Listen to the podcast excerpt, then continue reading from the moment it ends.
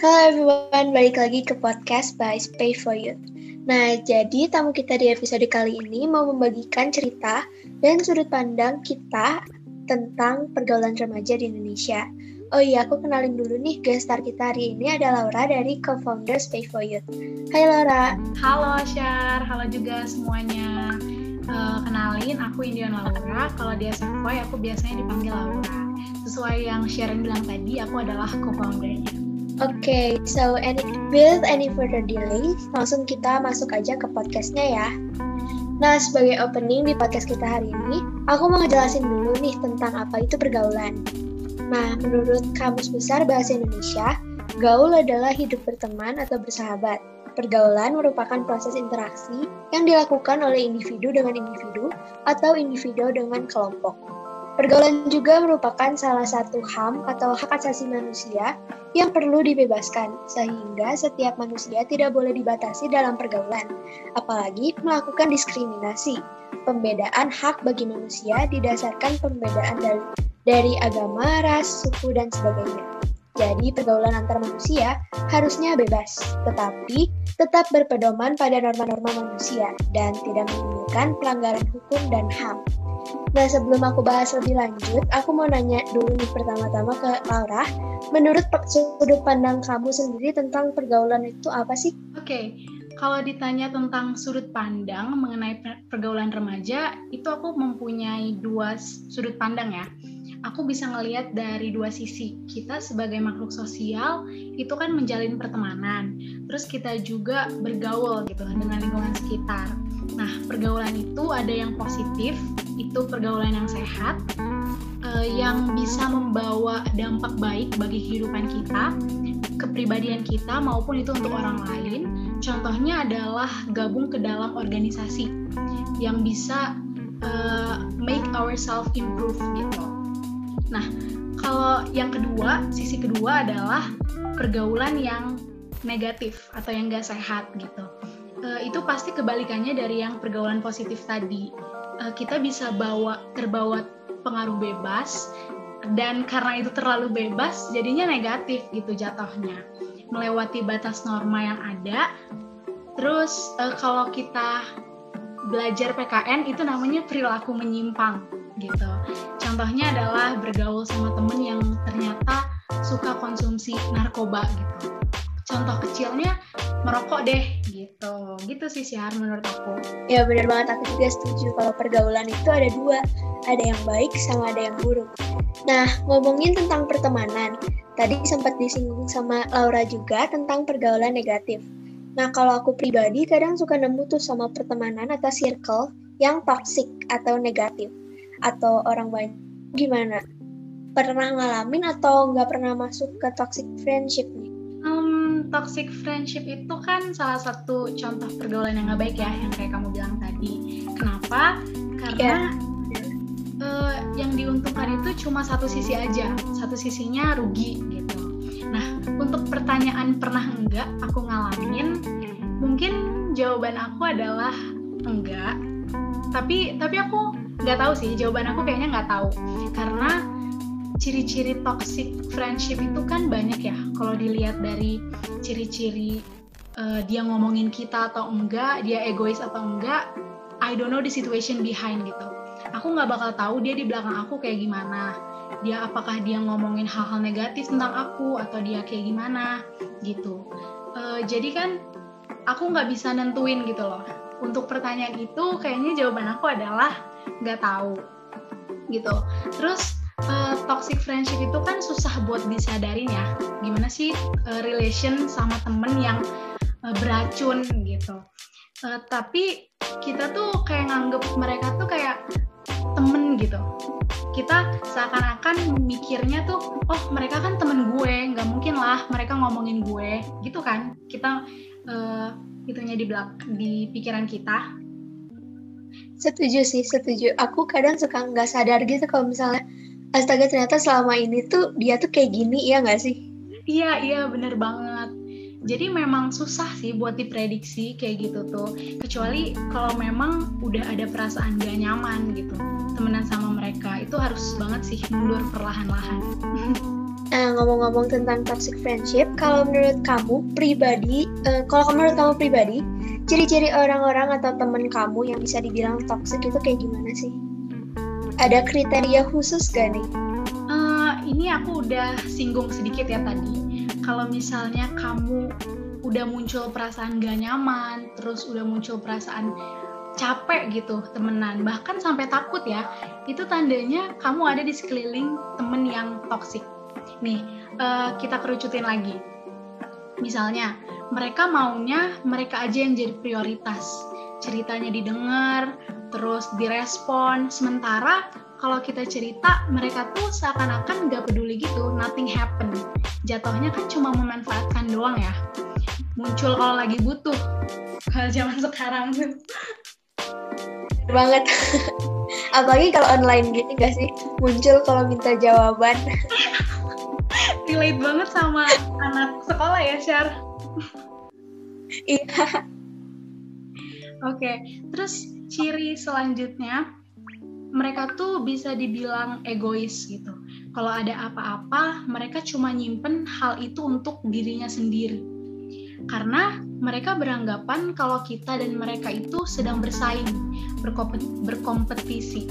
Jadi mereka maunya mereka selalu mereka yang di atas, mereka maunya kabar baik uh, kabar baik yang sampai itu sampai ke mereka dulu jangan nih sampai ke teman gue dulu itu juga berhubungan dengan mereka nggak mau kontak sama kita. Mereka nggak mau kontak kita duluan. Jadi apa-apa tuh harus kita yang hubungin duluan kita yang chat duluan kita yang nyamperin duluan gitu. Uh, terus ciri selanjutnya kalau menurut aku ini yang terakhir mereka tuh selalu mengkritik. Jadinya kita tersinggung terus kita stres terus kita insecure pada akhirnya kena mental deh. Habis itu kalau mental kita terganggu otomatis fisik kita juga keganggu. Kita bakal sakit secara fisik gitu. Gitu sih menurut aku cirinya kurang lebih. Sebaiknya dihindari teman-teman. Aku setuju banget sama yang ini ngomong. Tapi kalau versi aku nih temen toksik itu orang-orang yang gak, gak bisa ngehargain aku. Terus punya sifat iri tadi udah sempet disinggung sama disinggung sama Laura. Dan yang gak ngebiarin aku jadi diri sendiri gitu. Misalnya pas deket dia aku harus berubah mendadak jadi kayak kalem atau alim atau malah bikin aku jadi aduh gue harus asik nih depan mereka kalau enggak aku nggak akan ditemenin gitu. Terus kalau yang kedua adalah temen-temen yang nusuk dari belakang. Kayak Waduh. kayak apa ya uh, kita atau orang di sekitarnya bahagia nggak sih? Itu tuh yeah, banget deh. Iya benar-benar. Jadinya terus? diri sendiri kan ya Syar iya iya.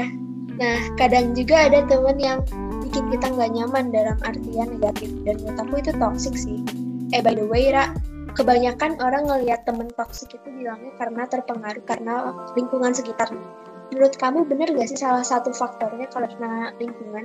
Misalnya lingkungan rumahnya kayak agak gimana gitu, itu mempengaruhi gak sih? Um, kalau menurut pendapat aku itu mempengaruhi sih lingkungan itu. Jadi aku setuju akan pernyataan itu uh, karena terkait sama hal yang pertama aku bilang tadi. Kita kan makhluk sosial. Kita perlu yang namanya sosialisasi sama lingkungan sekitar. Nah, kalau kondisi lingkungan yang kita temui itu kurang baik, banyak perilaku-perilaku yang menyimpang, itu kan mau uh, apa ya otomatis akan menjadi salah satu faktornya kita melihat mereka dalam jangka waktu yang lama, kita berada di sekitar mereka gitu. Apalagi kalau misalnya mereka iseng-iseng nawarin hal-hal yang jahat gitu, tanda kutip jahat. Nanti kan bisa bikin kita terjerumus ya. Penasaran awalnya eh jadinya keterusan gitu. Aku setuju banget sama pernyataan ini tadi. Jadi aku nggak perlu nambahin apa-apa kayaknya tadi udah lengkap banget ini ngomongnya. Iya. Nah, terus kalau misalnya ngelihat banyak pergaulan yang toxic perlu perlu nggak sih kita kayak milih-milih teman yang baik buat bergaul bukan yang nggak boleh milih-milih teman ya katanya waduh pertanyaannya ini ya um, kalau menurut aku pilih-pilih temen dari segi agama ras atau suku warna kulit itu udah pasti nggak boleh. Nggak boleh banget gitu. Iya nggak boleh itu. Itu diskriminasi namanya. Iya betul. Tapi kalau pilih temen pergaulan itu harus menurut aku.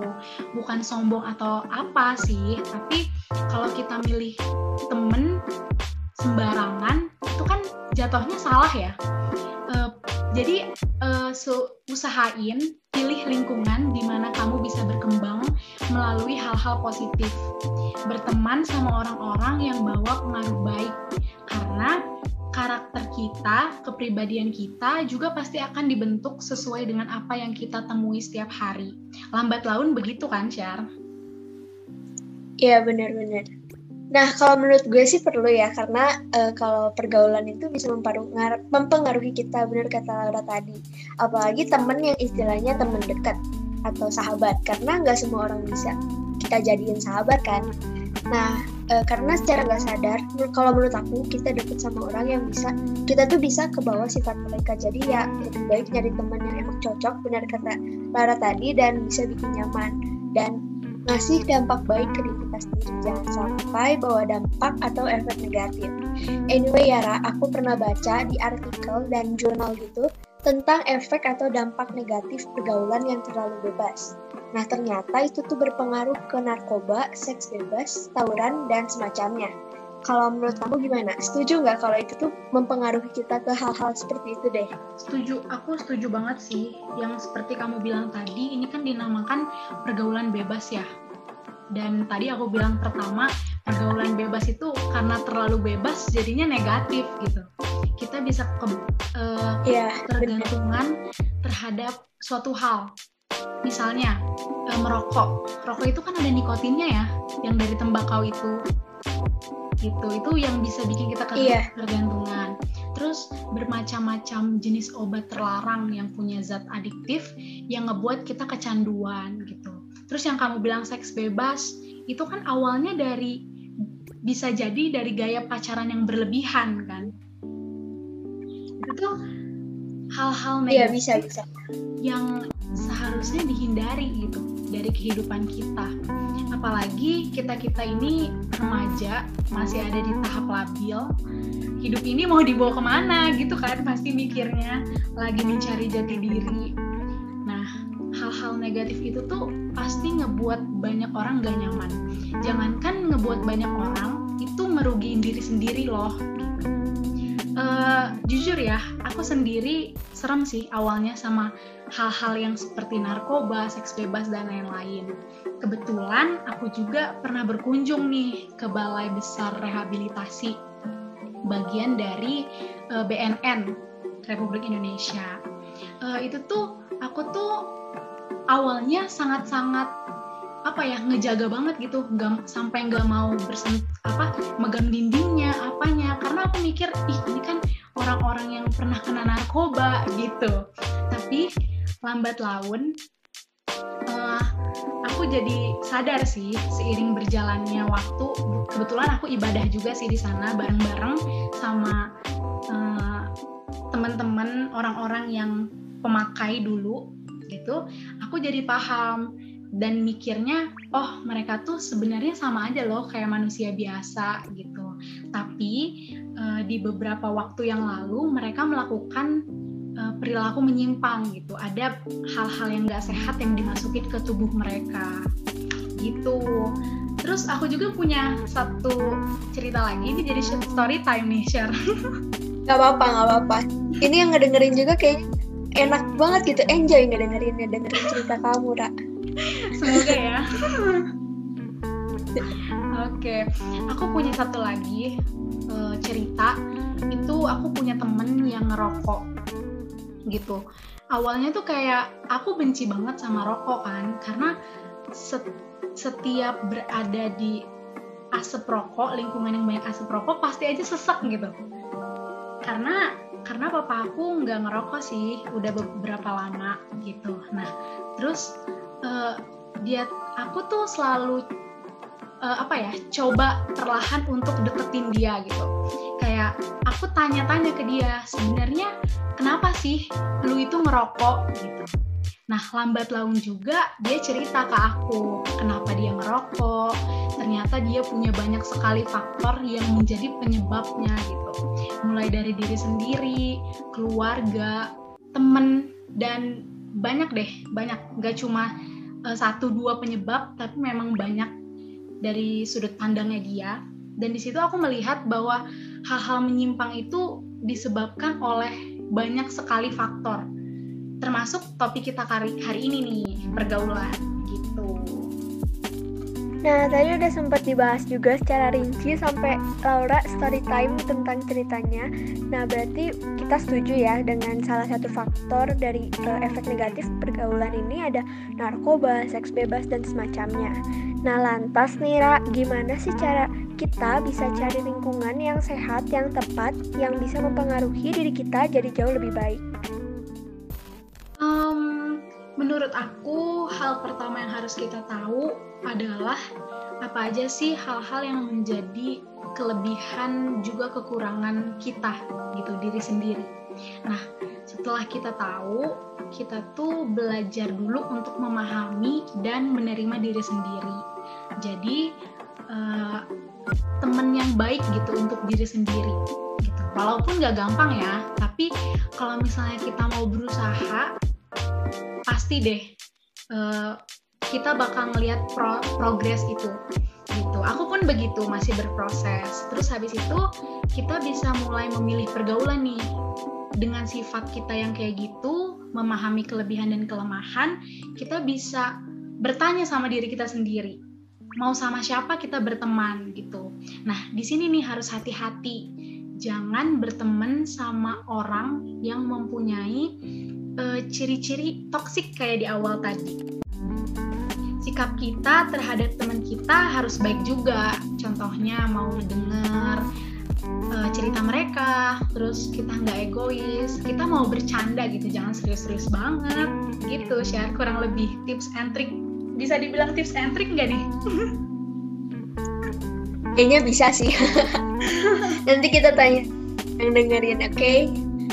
Aku juga mau nambahin buat yang lagi ngedengerin ini kayaknya masuk ke quotes tapi nggak tahu juga deh. Orang-orang yang positif akan bisa memberikan kesenangan dengan caranya tersendiri. Jadi mereka nggak akan jadi ratu dalam fake fake fake smile atau misalnya fake people lah ya. Dan mereka juga bisa memberikan impact positif saat kamu berada di dekatnya. Kalau dari Laura ada nggak kayak quotes gitu buat temen-temen yang dengerin tentang pergaulan-pergaulan ini? Mungkin bukan quote sih ya. Uh, saran aja kali ya untuk teman-teman di sini gitu ya Syar oke okay, okay. apa tuh? Uh, jadi buat SFY Talks listeners yang lagi dengerin uh, kita tuh sebagai remaja harus pinter-pinter jaga diri ya. Nggak cuma untuk perempuan aja tapi cowok juga pinter-pinter pilih pergaulan karena pergaulan kita sekarang pasti mempengaruhi masa depan kita.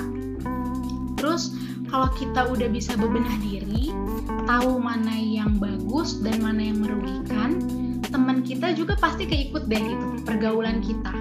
Dan akhirnya pergaulan kita itu menjadi uh, sehat dan positif.